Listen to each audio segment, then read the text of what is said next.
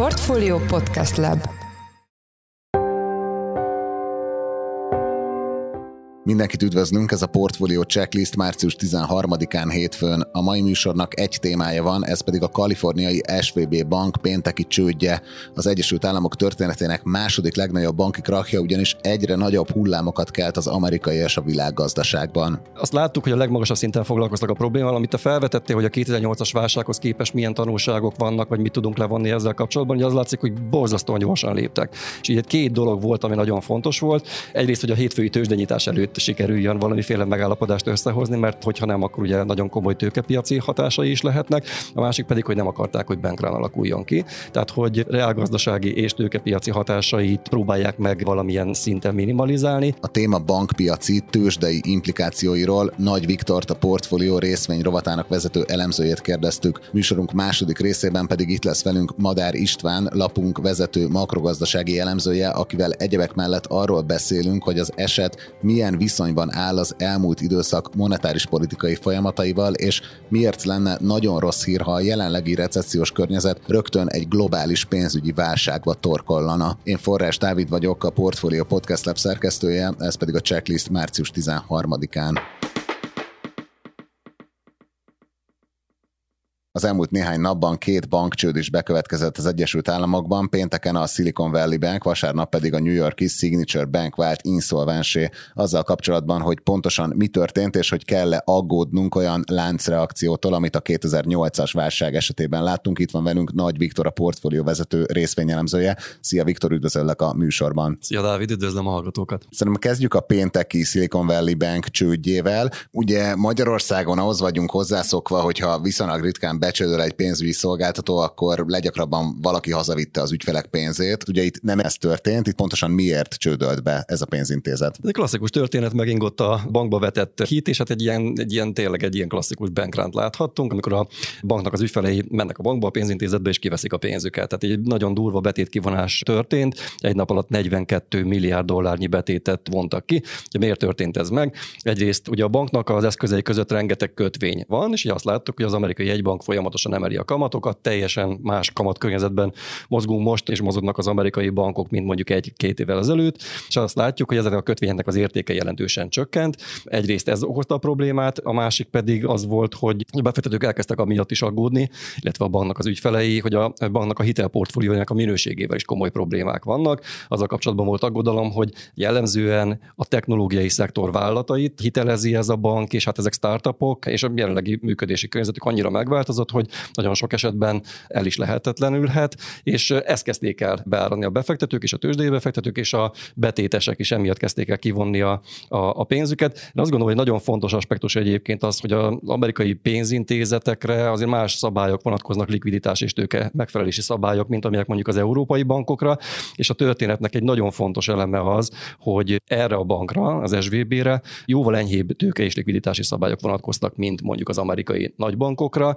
Ez ezért is fordulhatott elő az, hogy a tőke helyzete az ilyen gyorsan meg tudott rendülni. Sok aspektust behoztál, de még egy pillanatig beszéljünk arról, hogy ez mit jelent pontosan, hogy nagyon sok kötvénye volt a banknak, és ez így problémákat okozott nyilván ezeknek az átértékelődése, tehát hogy ez mennyire volt egy ilyen bevett tőkepiaci dolog, hogy akkor ők ilyen kötvényekből így nem tudom, túljegyezték magukat, tehát ez pontosan mi történt? Ugye alapvetően az, hogy mondjuk rövid betétből hosszú hitelt nyújtanak a, a pénzintézetek, ez egy ilyen normális működési aspektus a, a bankoknak, viszont nagyon nem mindegy az, hogy milyen kötvényeik vannak a portfóliókban, és hogy milyen hiteleket nyújtanak. És amiről az előbb beszéltem, az pontosan ez a, ez a kettősség, hogy egyrészt azoknak a kötvényeknek, amik a banknak a portfóliójában voltak, azoknak az értéke jelentősen csökkent, így a tőkekövetelményeknek nem feltétlenül tudnak megfelelni. Tehát ez is egy aspektus, hogy be kell vonniuk addicionális tőkét, hogyha tovább akarnak működni. A másik oldalon viszont lehet aggódni amiatt, hogy azok a hitelek, amiket már kihelyeztek az ügyfelek felé, azok nem teljesítővé válnak, és ez is problémát okozhat, emiatt rendült meg a bizalom. Ugye ezt említetted, hogy erre a bankra nem vonatkoztak olyan likviditási szabályok, ami mondjuk az európai pénzintézetekre igen. Ennek mi az oka, és itt pontosan akkor mi vonatkozott rájuk? Hát itt azért egy lobby tevékenységet érdemes megemlíteni a háttérben. Ugye, amikor a Basel 3 szabályokat kötelezővé tették az európai bankok számára, hogy az amerikai bankoknál ezt hát egy ilyen hanyag eleganciával kezelték, és különböző méret, különböző tevékenység szerint alkalmazzák az amerikai bankokra. Tehát, hogy a nagy pénzintézetek, amelyek nemzetközi tevékenységgel bírnak, azokra jellemzően a Basel 3 szabályok érvényesek, viszont ezeknek egy felpuhított változata érvényes a kisebb bankokra, és mondjuk a kisebb bankok között azért egészen nagyok is előfordulnak. Tehát az a bank, amelyről most beszélünk, annak a mérleg főszege 212 milliárd dollár, és egy kicsit perspektívába helyezzük, az OTP banknak, a teljes bankcsoportnak közel 33 ezer milliárd forint a mérlegfőszege, ez dollárban kifejezve 91 milliárd dollárnak felel meg, tehát az OTP csoporthoz képest egy két és félszer akkor a bankról beszélünk, és hát ugye látjuk azt, hogy mivel rendszer szintű probléma is lehet, ezért nem csak ez egyetlen egy pénzintézet, amelyik problémás lehet. Szóval, hogy összességében relatíven nagy körére vonatkozik a pénzintézeteknek az Egyesült Államokban egy olyan laza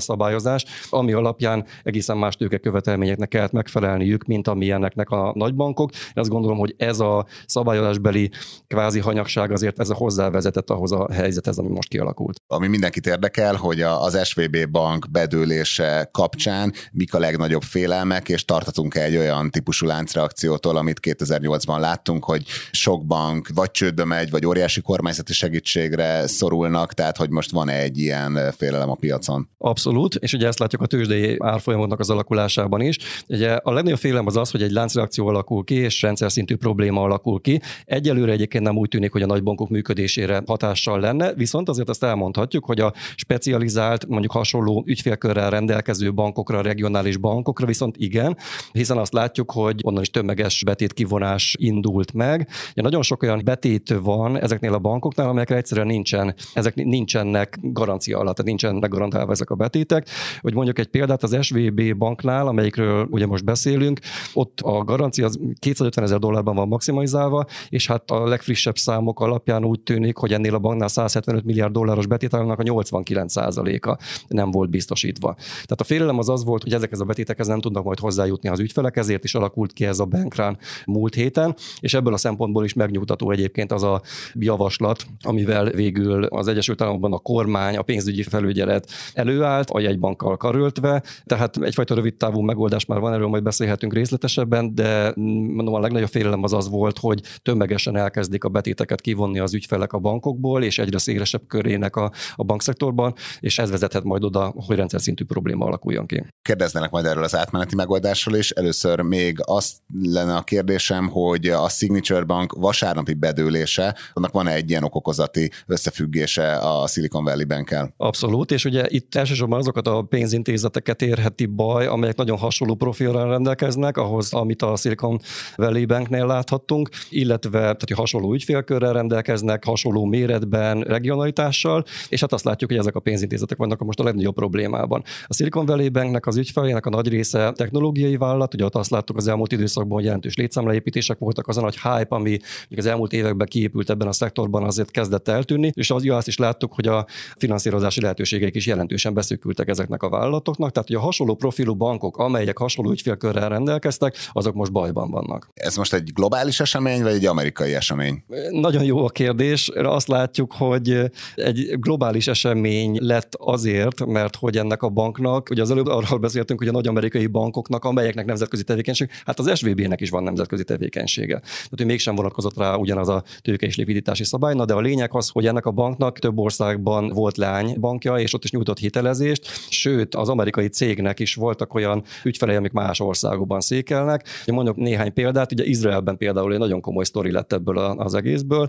Ugye ott a bankfelügyelet, a pénzügyminisztérium és a kormány egész hétvégén azon dolgozott, hogy felmérik azt, hogy mekkora károkat szenvedhetnek el ezek a vállalatok, hiszen nagyon erős a technológiai szektor Izraelben, és ez a gazdaságnak az egyik motorja, és hát ezért szálon kapcsolódik a szilícium völgyhöz. Vannak olyan amerikai vállalatok, amelyeknek Izraelben vannak lánycégei, és vannak olyan izraeli cégek, amelyek alapítottak Amerikában lányvállalatot, és több cég egyébként már, és mondok néhány példát, Compugen, NextVision, Imodo, ezek már bejelentették azt, hogy mekkora a kitettségük az SVB-vel szemben. Vannak olyan cégek, tehát itt most már több millió dolláros betétállományokról beszélünk, és hát a készpénzállományuknak a jelentős része is adott esetben az amerikai banknál lehet. Tehát, hogy ez is egy aspektus, de egyébként látjuk azt, hogy Nagy-Britanniában is egy fontos téma lett, ez ott is van egy megoldás, majd arról is beszélhetünk később.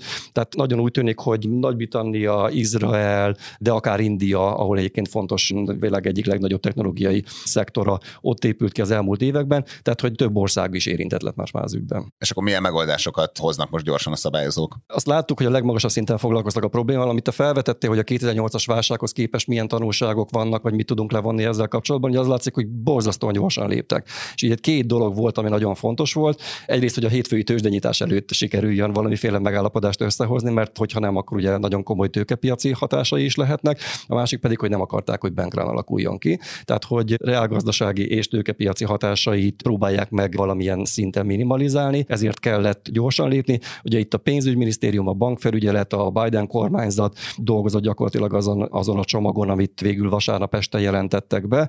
És hát ennek a lényeg az az, hogy a Silicon Valley Banknek, amely csődbe ment, ugye az összes betétese teljes körű védelemben részesül, tehát ők hozzájutnak a pénzükhöz, ez egy nagyon fontos lépés. Tehát, hogy mondhatták volna azt is, hogy igen, az ügyfelek hozzájuthatnak a pénzükhöz, de hát a 250 ezer dollárig, vagy addig az értékhatárig, ameddig egyébként biztosítva vannak ezek a, a betétek, nem, teljes egészében hozzájutnak. Ez egy jó hír abból a szempontból, hogy más pénzintézetekből az ügyfeleknek nem feltétlenül kell most azonnal kivenniük a pénzüket, hiszen megbízhatnak abba, hogy ott is hasonló szabályokat alkalmaznak. És a másik pedig, hogy az amerikai jegybank egy új finanszírozási konstrukciót is indít, hogy segítsen a bankoknak a likviditási kihívások kezelésében, és egyszerűsítették a szabályokat, hogy minél könnyebben jussanak hozzá a forrásokhoz. De egy nagyon fontos kitétel egyébként, hogy adófizetői pénzt nem akarnak beletenni ebbe a mentésbe, tehát olyan klasszikus bankmentés, mint amit mondjuk 2008-ban láttunk, adófizetői pénzből olyat most nagyon nem akarnak. Ugye ez most az első reakció, várjuk meg majd a végét, hogy valóban meg tudják-e állni, illetve hogyha láncreakció indul ki, akkor egyáltalán meg lehet azt tenni, hogy nem mentik ki őket, de egyelőre nagyon úgy tűnik, hogy úgy próbálják megoldani a helyzetet, szanálni ezeket a bankokat, hogy betéteseket mentenek, illetve megpróbálják értékesíteni a bajba jutott pénzintézeteket. Ugye ez már 2008-ban is egy, egy érdekes téma volt, ott az Indimeket, a Washington Mutual-t, gyakorlatilag más bankoknak adták oda, illetve vásároltatták fel őket, hogy így oldják meg a helyzetet. Hát illetve, hogyha gondolom azokat az eszközöket, amiket egyébként most el kéne adni veszteséggel, azokat tartja egy kormányzat, akkor mondjuk csak a pénz, amit kifizet most kvázi hitelként, akkor az egy minimális költséggel megoldható. Így van, és akkor még mindig arról beszélünk, hogy adófizetői pénzek nélkül próbáljuk megoldani a helyzetet, és ez látszik egyébként most Nagy-Britanniában, ott ennek a bajba jutott SVB banknak a lánybankját ott az HSBC vásárolja meg. Egy dollárért. Hát igen, de egyébként szerintem annak is örülni kell, hogy egyáltalán vevő jelentkezik ezekért az eszközökért. Most például az Egyesült Államokban az a probléma, hogy nem találnak jelentkezőt a bajba jutott pénzintézetekre. Ezt az adást körülbelül délben rögzítjük hétfőn. Lehet-e már látni tőzsdei hatásokat? Nem is tudom, New York az még nem is nyitott ki. Abszolút lehet látni. Ugye kicsit, hogyha visszamegyünk az időben, azért a múlt hét péntek volt az igazán súlyos. Ott a S&P 500-nak a regionális bankindexe az közel 4%-ot esett, és egyébként a 7 egész évben még 18%-kal került lejjebb, tehát ott már azért elkezdték beárazni a befektetők. És mondok néhány példát. Regionális bankok, amelyek tőzsdén vannak jegyezve, ezeknek a részvényei a, a PacWest Bancorpnak az árfolyama 38%-ot esett csak pénteken, az egész héten 55%-ot, tehát a felére zuhant az értéke egy hét alatt. Signature Bank az pénteken 23%-ot esett, ugye ez a másik pénzintézet, amelyik ugye vasárnap ment gyakorlatilag csődbe. Western Alliance 21%-ot, tehát hogy látszott az, hogy, hogy először is lokális hatásai voltak, de aztán pedig ez átgyűrűzött más piacokra is. A pénteken az olasz bankrészvények 2 és 5 közötti mértékben estek. Nálunk a régióban a cseh, lengyel, román, osztrák pénzintézetek részvényei 2-4 kal kerültek lejjebb. És akkor mondok egy érdekes példát, ez nem biztos, hogy mindenkinek megvan. Az izraeli tőzsdén a kereskedés az vasárnaptól csütörtökig tart, és ugye ott a csütörtökön befejeződött a kereskedés, nem nagyon tudták lekereskedni az ottani befektetők azt, hogy mekkora a baj az Egyesült Államok piacán, és ott pedig vasárnap, tehát tegnap volt a nagy esés, az teljes tőzsdegyen 3%-ot esett, a pénzügyi alindex az több mint 4%-ot, tehát látszik az, hogy nagyon komoly hullámokat vet ez a történet. És akkor mondok még egy aspektust, egyébként a kriptopiacon is érzeti a hatását ez az egész történet. Van egy cég, circle hívják, ez áll egy stablecoin mögött, amely a világ második legnagyobb piaci kapitalizációjú tokenje, 40 milliárd dollárral, ez az USD coin, és ennek az árfolyama dollárhoz van kötve, de ez a PEG ez eltört a múlt héten, akkor volt az eladói nyomás ebben a tokenben, miután kiderült, hogy a Circle, ez a cég, amelyik a token mögött áll, ennek több mint 3 milliárd dollárja van a bajba jutott vagy a csődbe jutott amerikai pénzintézetnél. Tehát azt látjuk, hogy nagyon komoly hatások vannak, és egyáltalán nem csak az amerikai regionális bankoknak a árfolyamaira, hanem szélesebb tőkepiaci értelemben véve is. És hát most ugye, amikor rögzítjük ezt a beszélgetést, így hétfő dél körül, azt látjuk, hogy olyan nagy megnyugvást egyébként tegnapi bejelentések nem okoztak. Egy átmeneti hangulatjavulás volt, de azóta azt látjuk, hogy nagyon durva esés alakult ki az európai tőzsdéken. Elsősorban a bankpapírokat ütik, és tényleg még mindig attól tartanak a befektetők, hogy a már bejelentett lépések nem lesznek elegendőek, rendszer szintű kockázat alakul ki, és ez akár globális hullámokat vethet. És ez most mennyire mutatja meg megint azt a típusú sérülékenységét a globális pénzügyi rendszernek, hogy jöhetnek cégek, meg államok, és így mondhatnak akármit, hogy mondjuk fizetem a betéteseket, stb., de mégis, hogyha ha egy ilyen bizalmi sztori eltörik, akkor azt nagyon nehéz helyreállítani. Így van, és azért itt nagyon sok minden játszik még szerepet, ugye a FED kamatemelésről beszéltünk, regionális konfliktusok is vannak, ugye az oroszokra háborúra érdemes gondolni, tehát hogy nagyon sok olyan történet van, ami elkezd beárazódni, és aztán, hogyha van egy ilyen, van egy ilyen gyújtóbomba, és nem tudom, ami éppen, éppen robban egy nagyot, akkor az elhozhatja az esést a piacokon. Tehát megremeltek a befektetői kezek, és az látszik, hogy,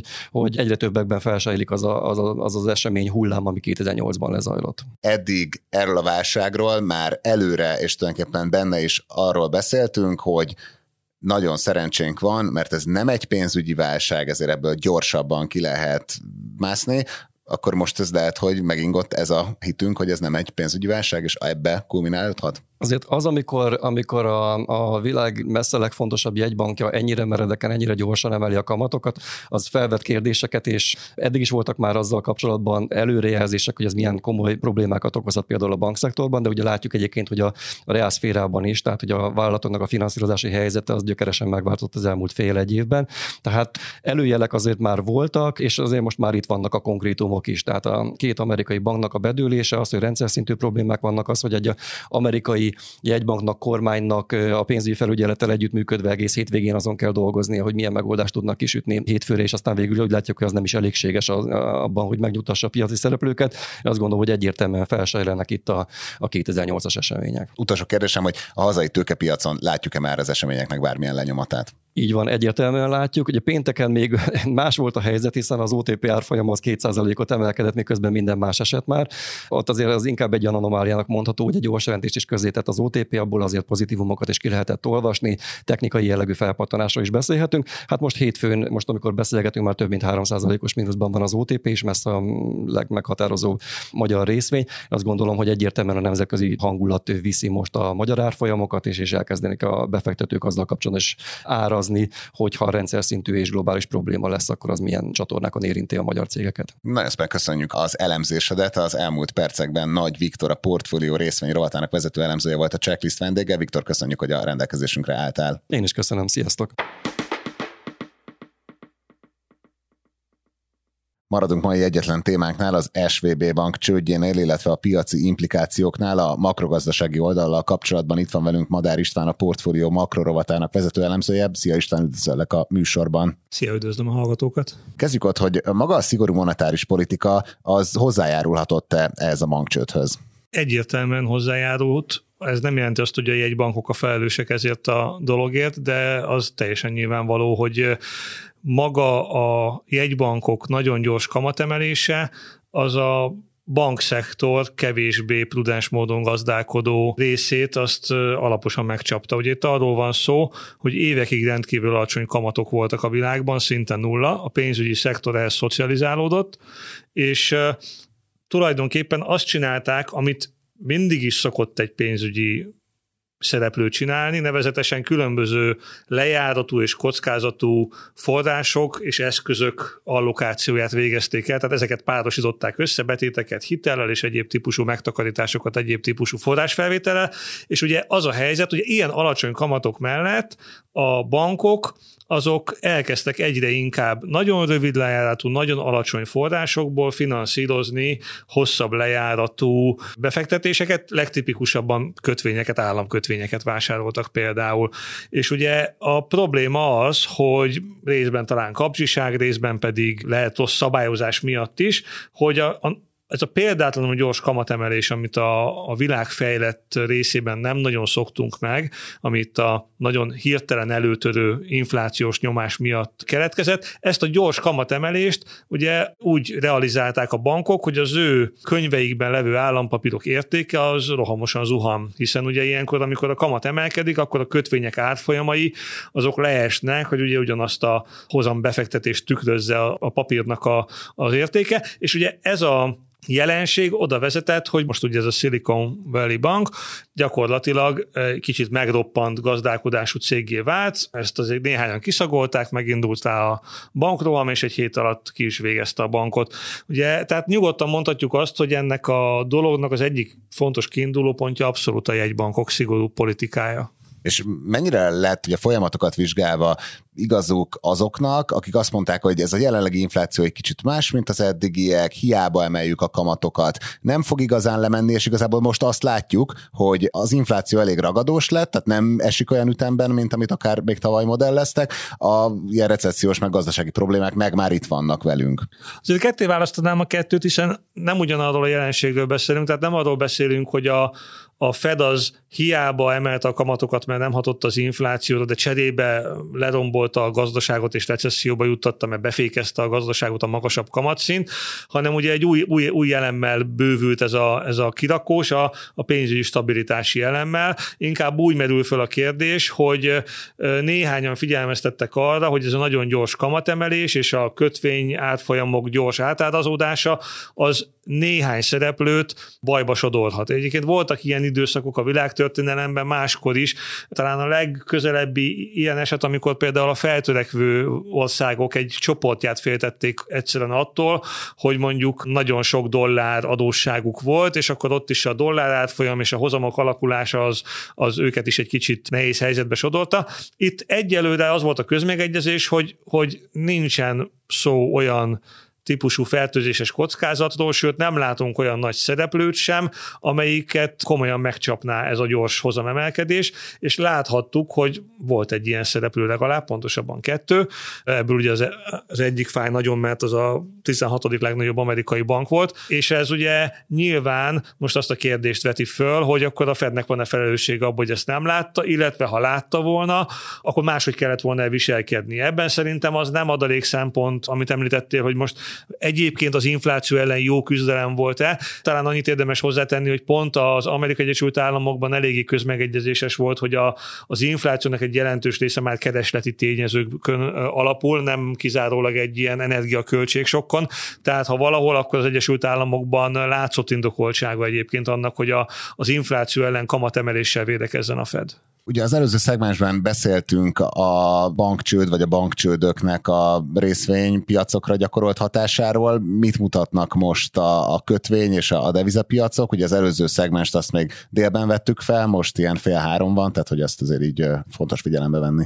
Igen, hát ugye azt látjuk, hogy a hozamok azok elkezdtek masszívan esni. Ha csak azt mondom, hogy a, az amerikai két éves kötvényhozam akkorát esett két nap alatt, ami utoljára az 1987-es fekete hétfő időszakában esett, akkor az első nagyon riasztó lenne, hogyha azt is hozzátenném, hogy a két éves német kötvény az pedig még soha nem esett ennyit, mint most, akkor ugye ezek elég riasztó számok, de ugye ha hozzáteszük azt is, hogy az előző beszélgetésben hallottuk, hogy azért nincsen tőzsdepánik, ami ugye a legtipikusabb jele egy ilyen kontrollálatlan, pánikszerű folyamatnak, akkor azért ezek mögött azért érdemes megnézni a, a mögöttes okot, mert ez nem egy pánikszerű jelenség, hanem valamilyen durva várakozás változás. Ez a durva várakozás változás pedig az, hogy úgy gondolják most a befektetők, hogy ha egyszer ennyire megégette magát a Fed ezzel a gyors kamatemeléssel, akkor talán vissza fog venni. Ugye nem olyan régen volt az, február elején, hogy a Fed új fokozata kapcsolt, és azt mondta, hogy vissza az egész, itt nem látszik egyelőre az infláció mérséklődése, úgyhogy ő sokkal többet fog emelni kamatot, mint amit bárki gondol. Már a kamat csúcsa az szinte a 6%-ot ostomolta, és ahol most tartunk, bár most már tényleg azt mondhatjuk, hogy persze persze változik a helyzet, jelen pillanatban, ha megnézzük, hogy mik a kamatvárakozások, akkor a, az irányadó 4,75%-os kamatnál a piac várakozása most jelen pillanatban az, hogy egyáltalán nem emel többet a Fed, ami brutális változás a világ legnagyobb gazdaságának jegybankjától, és egyébként decemberre meg már talán 4% lesz majd a kamat. E, ez ugye ahhoz képest, hogy pénteken úgy nézett ki, hogy 5,75-6, és lehet, hogy évvégéig nem is lesz ebből vágás, ez egy óriási változás, nyilván ezt követi le a kötvényhozam.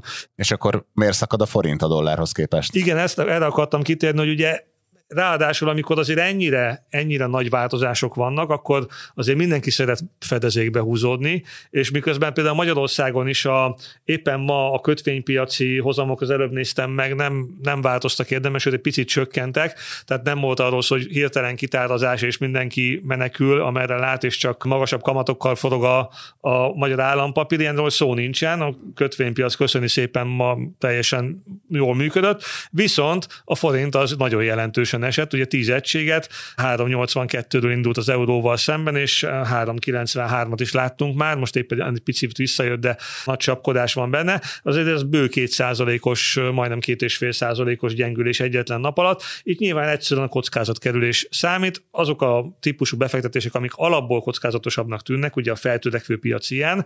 Ráadásul a magyar gazdasággal ugye az utóbbi időben azért voltak kisebb-nagyobb döccenők, a gazdaságpolitika is ügyetlenkedett, az energiaválság is jobban megcsapott minket, mint más kevésbé kitett országot. Ezért nyilván ilyenkor a befektető még szívesebben mondja azt, hogy hát akkor most egy picit nyugi, akkor most nem itt próbálunk nagy pénzt keresni, várjuk meg, üljünk le egy kicsit, és várjuk meg, amíg elmúlik a, a piaci zavar, aztán majd újraértékeljük a dolgot, hiszen ugye most az elsődleges kérdés az, hogy rendben van, azt már értjük, hogy a Fed kamatpolitikája a leggyengébb és legfelelőtlenebbül gazdálkodó bankok, legsérülékenyebb bankok egy részét kellemetlenül érintette, sőt annyira, hogy még csőd is lett, de egyáltalán nem tudjuk még azt, hogy ennek lesz-e bármiféle olyan dominó hatás, hogy más bankok is bedőlnének-e.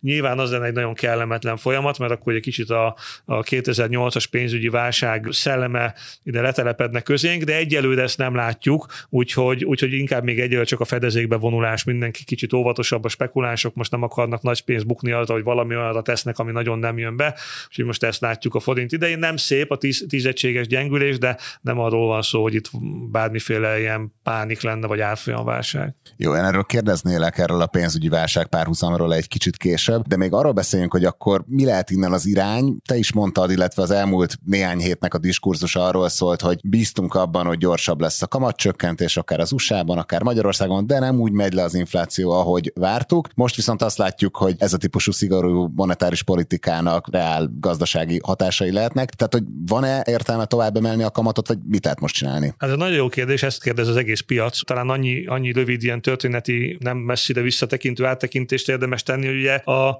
világ jegybankjai a pénzügyi válság után gyakorlatilag azzal a nagy kihívással küzdöttek, hogy hogyan tudják elítetni a piacra, hogy ők a világ végig alacsony kamatot fognak föntartani, higgyék el, érdemes beruházni, befektetni, és jöjjön már végre a növekedés, mert a pénzügyi válságok azok általában elég makacsul alacsony növekedéssel szoktak járni, és ez valóban így is volt. Ugye amikor a kezdett gyanús lenni, hogy ez már nem olyan jó, és mind a világ elkezdett ahhoz azért visszatérni, hogy már itt azért van értelme inflációra és egy kicsit rátekinteni, addigra jött a Covid, az ugye megint lenyomott mindent, történt, illetve pánikszerűen elindult ugye egy, egy rémült újabb jegybanki nagy élénkítés. Megint nagyon olcsó lett a pénz, nagyon sok pénz lett a világban, és ugye utána jött az új kihívás, hogy ja, hát akkor nem is az a baj, hogy kell egy ultralazító monetáris politika, hogy legyen növekedés az inflációt nem ismerő világban, hanem hogy úristen, hogy fogjuk meg ezt az inflációt, ami hirtelen előtört 40-50 év után újra a fejlett gazdaságokban. És amikor ezt a dilemmát itt elkezdte rágni a világ, és azon gondolkodott ilyen intellektuálisan, hogy kell-e ahhoz recessziót csinálni a világ jegybankjainak, hogy letörjük az inflációt, tehát kell-e olyan magas kamatokat föntartani, amiben visszafékeződik a fogyasztás, a beruházás, tehát egy ilyen agregát kereslet szűkítést kell-e olyan erővel végrehajtani, hogy csak recesszió tudja kiírtani ezt a nagy inflációt, akkor jött be az, amit te mondtál, hogy egy teljesen új szempont, hogy nem úgy lesz korrekció, egy ilyen fájdalmas korrekció, hogy hát a gazdaságokat le kell egy kicsit ültetni, a lendületüket a túlhevített állapotból le kell hűteni, hanem hogy jön ez a pénzügyi stabilitási szempont, hogy úristen, hát mi van, hogyha itt a, a mégsem viseli el a világ egy jelentős része, a pénzügyi szektor egy jelentős része ezt a gyors kamatemelést, és a pénzügyi helyzetük megrendülése folytán be, bekerülünk egy olyan pénzügyi krízisbe, egy bankválságba, ami, amivel ugye újabb problémák vannak, úgyhogy a Fednek tulajdonképpen az eddigi bipólusos kockázati térképe az hirtelen ilyen háromdimenziósá vált, ahol, ahol a pénzügyi stabilitás lett hirtelen az első szempont, de ez ugye csütörtök péntek óta sztori, tehát három napja, három munkanapja nézzük ezt a dolgot, úgyhogy nem tudjuk megmondani egyelőre, hogy ez egy egy hétig tartó riadalom, vagy itt fog velünk élni tovább a következő hónapokban is. Jó, azt nem kérem, hogy spekuláljál, de miért lenne kifejezetten rossz hír, hogyha a jelenlegi válság egy pénzügyi válságba csapna át? Nem az az egyik legrosszabb típusú válság. Ugye most az elmúlt időszakban láttunk ilyen pandémiás válságot, előtte hozzá voltunk szokva ilyen konjunkturális ingadozásokhoz, hogy néha kicsit jobban megy, kicsit rosszabbul. Ugye a pandémiás válságnál láttuk azt, hogy nagyon-nagyon gyors belőle a felpattanás. Még az energiakrízisnél is látni véltük annak a jeleit, hogy nem okoz olyan nagy visszaesést, a gazdaságok alkalmazkodnak, és azért elindul egy növekedés. A pénzügyi válsággal az a baj, hogyha az a bankszektor sérül meg, amelyik működteti az egész pénzügyi rendszert, az sokkal lassabban áll helyre az a típusú probléma. Ott a mérlegekben levő toxikus elemeknek ki kell ürülni, ki kell az egészet szenvedni, gyúrni magából a, a bankszektornak, és ez a tapasztalatok szerint akár öt évig is elhúzódhat. Egy pénzügyi válságra azt szokták mondani, hogy hát ott öt évig nem nagyon van utána növekedés a világban. És ha jól megnézzük, a 2008-as Lehman csőd után 2013-ig nyugodt a világ, és várta azt, hogy mikor tér vissza a növekedés rendesen a, a gazdaságokban. Tehát ezért egy pénzügyi krízis az nagyon rossz hír lenne abból a szempontból, hogyha kiderül, hogy a pénz, a tőke elosztását vezérlő fő mechanizmusunk, a bankszektor sérül, akkor egy kapitalista rendszer, ami azért alapvetően ugye a tőke, a pénz allokációjának fontosságáról is szól, az nyilván egy nagyon diszfunkcionális állapot, hogyha ez lábon van lőve, úgyhogy reméljük, hogy nem erről van szó. Mondom, egyelőre azért azt gondolom, hogy nincsenek olyan információk, jelenleg ismert információk, amik alapján azt kellene gondolni, hogy pénzügyi válság lesz. Nem ismerünk olyan óriási toxikus méretű eszközállományt, mint mondjuk a,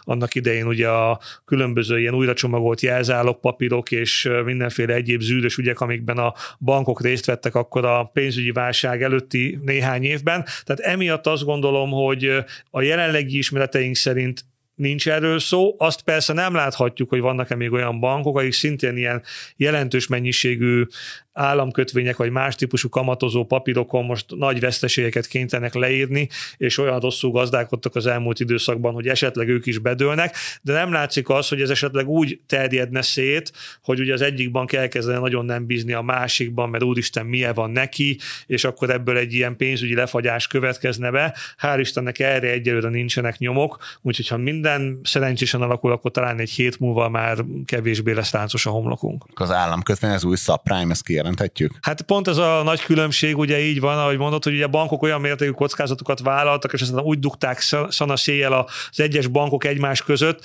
hogy, hogy ne, senki nem tudta, hogy az az utolsó fél munkanélküli michigani fodrász az vajon tudja fizetni a, az adósságát. Most meg arról van szó, hogy alapvetően nem az belül föl, hogy szolvens egy, egy állam, és kifizeti ezt az adósságát, csak egyszerűen a rajta levő magasabb kamatok miatti átértékelődésen bukik most pár pénzügyi szereplő, szereplő, úgyhogy ez egy fontos különbség, azt gondolom a kérdésedben megbúvó állítás, mert, mert ez, ez azért bizakodásra ad okot, azt hiszem azzal kapcsolatban, hogy azért nem kell arra számolnunk, hogy egy újabb 2008-2009-nél járunk.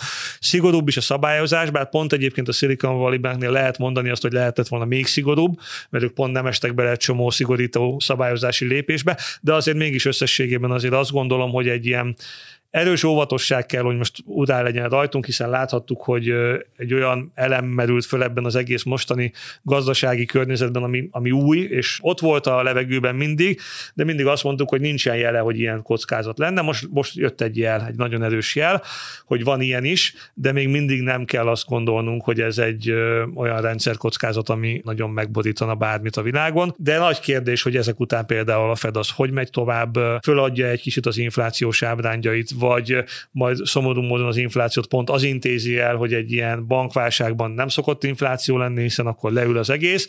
Úgyhogy, úgyhogy vannak most ilyen, ilyen megrágni való, való kérdések, de azért azt hiszem az alapforgatókönyv még mindig az, hogy a, ha elmúlik ez a nagy riadalom, akkor a Fed most egy jelzésértékű lassítás után újra vissza tud térni egy szigorúbb kamatpályára, abban az esetben, ha valóban kiderül, hogy itt nincsen több olyan pénzügyi intézmény, amelyiknek ennyi baja lenne, mint ennek a Silicon Valley-nek volt. Tehát akkor így mondjuk összefoglalásképpen mondhatjuk-e azt, hogy most kritikus az, hogy a piac elhiggye azokat a szabályozói beavatkozásokat, amivel megpróbálja újra megteremteni a bizalmat a bankrendszerben, és akkor nagyjából mehet tovább minden rendben. Igen, így van, ugye az látszik, hogy arra volt bőven kapacitás, hogy a Silicon Valley ügyeit viszonylag jól elintézzük, tehát ugye az látszik, hogy minden betét után garancia lett, a betétesek érdeke nem sérült. Nagy kérdés, hogy ugye a Silicon Valley Bank hiteleivel mi lesz, de az már egy kisebb probléma az már nem okoz akkor a bizalmi krízis, mint amikor valaki mondjuk a betétjét, a pénzét veszíti el. Tehát ilyen szempontból azt gondolom, hogy mindaddig, amíg nem merül fel az, hogy nagyon sok ilyen bank van, nagyon sok ember pénzét kell kimenteni, a bankok elkezdenek egymásban nem bízni, és azért ezeknek még egyelőre nem nagyon van nyoma, hogyha, hogyha nem is lesz, akkor azért itt nem lesz akkor a fölfordulás, mint volt 2008-9-ben, hát senkinek nem hiányzik, mert azért az elmúlt időszak elég zűrzavaros volt, ez az elmúlt 15 év, nem hiányzik, hogy most itt a Covid és az energiakrízis, meg a háború után megint lássunk egy ilyet. Hát nagyon szépen köszönjük az elemzésedet. Az elmúlt percekben Madár István a portfólió vezető makroelemzője volt a checklist vendége. Köszönjük szépen, hogy a rendelkezésünkre álltál. Én köszönöm, sziasztok!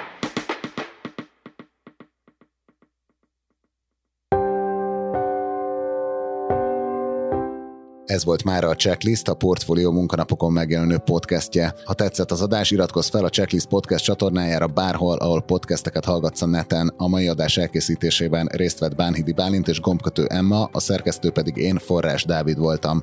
Új adással holnap, azaz kedden jelentkezünk, addig is minden jót kívánunk, sziasztok!